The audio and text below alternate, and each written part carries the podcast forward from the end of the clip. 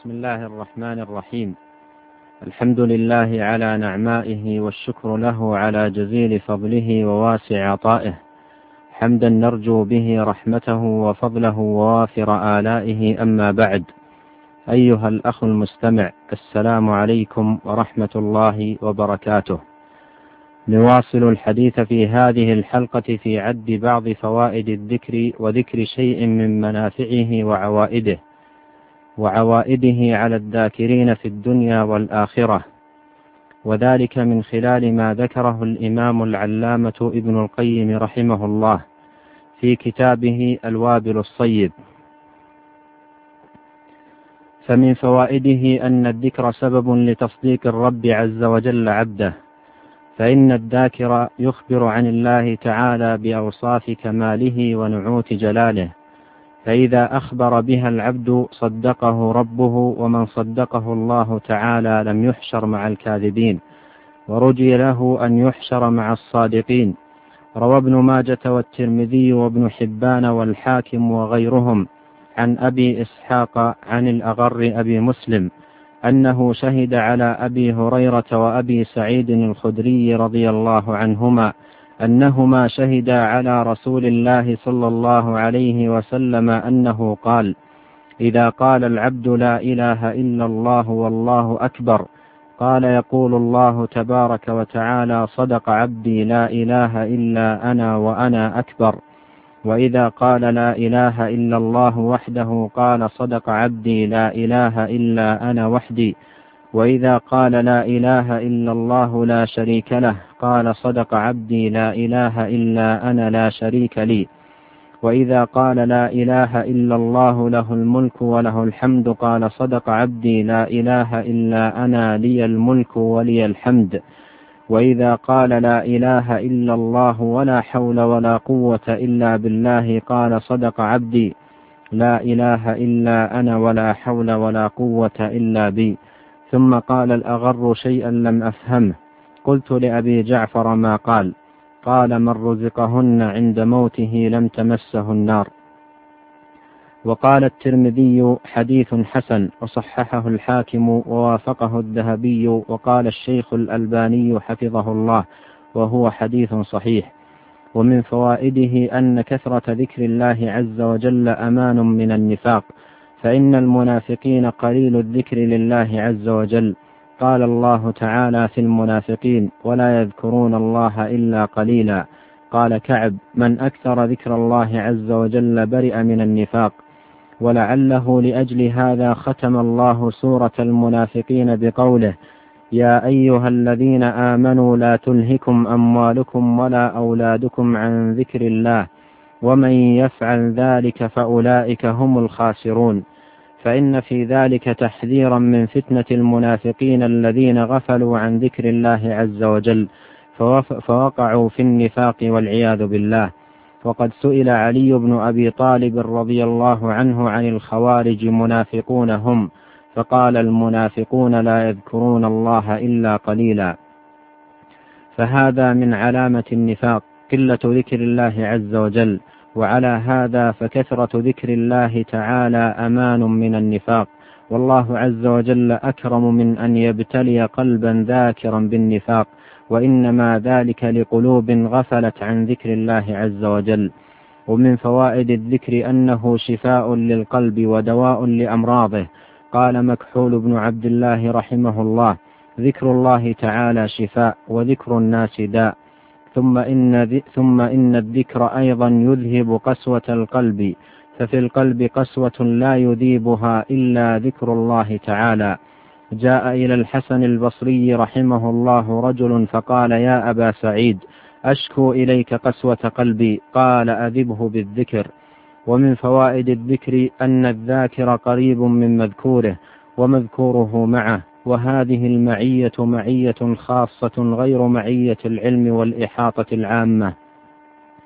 فهي معية بالقرب والولاية والمحبة والنصرة والإعانة والتوفيق كقوله تعالى إن الله مع الذين اتقوا والذين هم محسنون وقوله والله مع الصابرين وقوله وإن الله لمع المحسنين. فالذاكر له من هذه المعية النصيب الوافر كما في الحديث الإلهي أنا مع عبدي ما ذكرني وتحركت بي شفتاه. رواه البخاري تعليقا وأحمد وابن ماجة والحاكم وغيرهم. ومن فوائد الذكر أنه جلاب للنعم دفاع للنقم فما استجلبت نعمة ولا استدفعت نقمة بمثل ذكر الله عز وجل.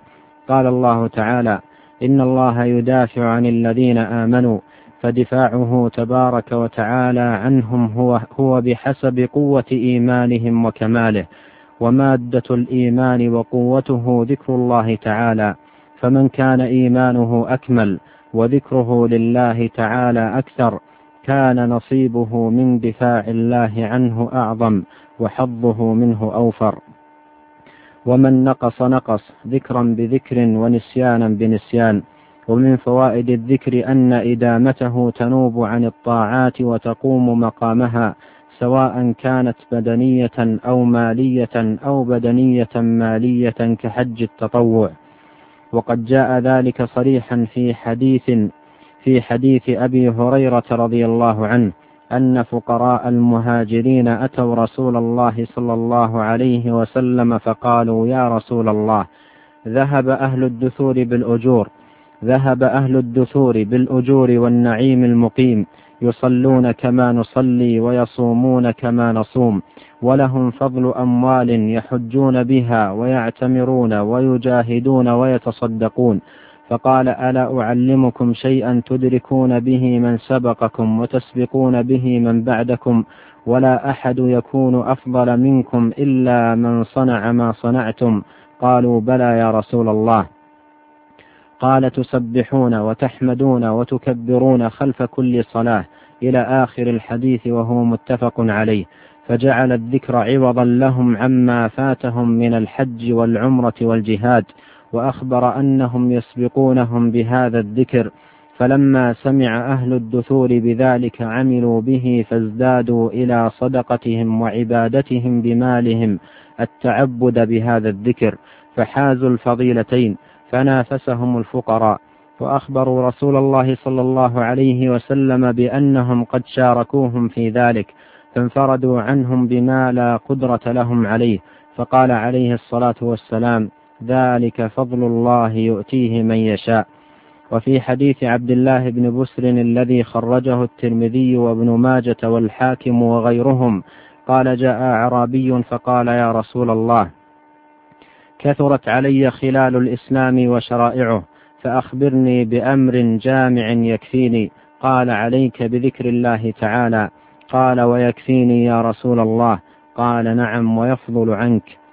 فدله الناصح صلى الله عليه وسلم على شيء يعينه على شرائع الإسلام والحرص عليها والاستكثار منها فإنه إذا اتخذ ذكر الله تعالى شعاره أحبه وأحب ما يحب فلا شيء أحب إليه من التقرب بشرائع الإسلام. فدله صلى الله عليه وسلم ما يتمكن به من شرائع الإسلام وتسهل به عليه. فالذكر من أكبر العون على طاعة الله فإنه يحببها إلى العبد ويسهلها عليه ويلذذها له بحيث لا يجد لها من الكلفة والمشقة والثقل ما يجده الغافل. ثم هو أيضا يسهل الصعب وييسر العسير ويخفف المشاق. فما ذكر الله عز وجل على صعب إلا هان ولا على, يسير ولا على عسير إلا تيسر ولا مشقة إلا خفت ولا شدة إلا زالت ولا كربة إلا انفرجت. فذكر الله هو الفرج بعد الشدة واليسر بعد العسر والفرح بعد الغم. فاللهم إياك نسأل وبأسمائك وصفاتك نتوسل أن تجعلنا من عبادك الذاكرين وأن تعيذنا برحمتك من سبيل المعرضين الغافلين إنك على كل شيء قدير.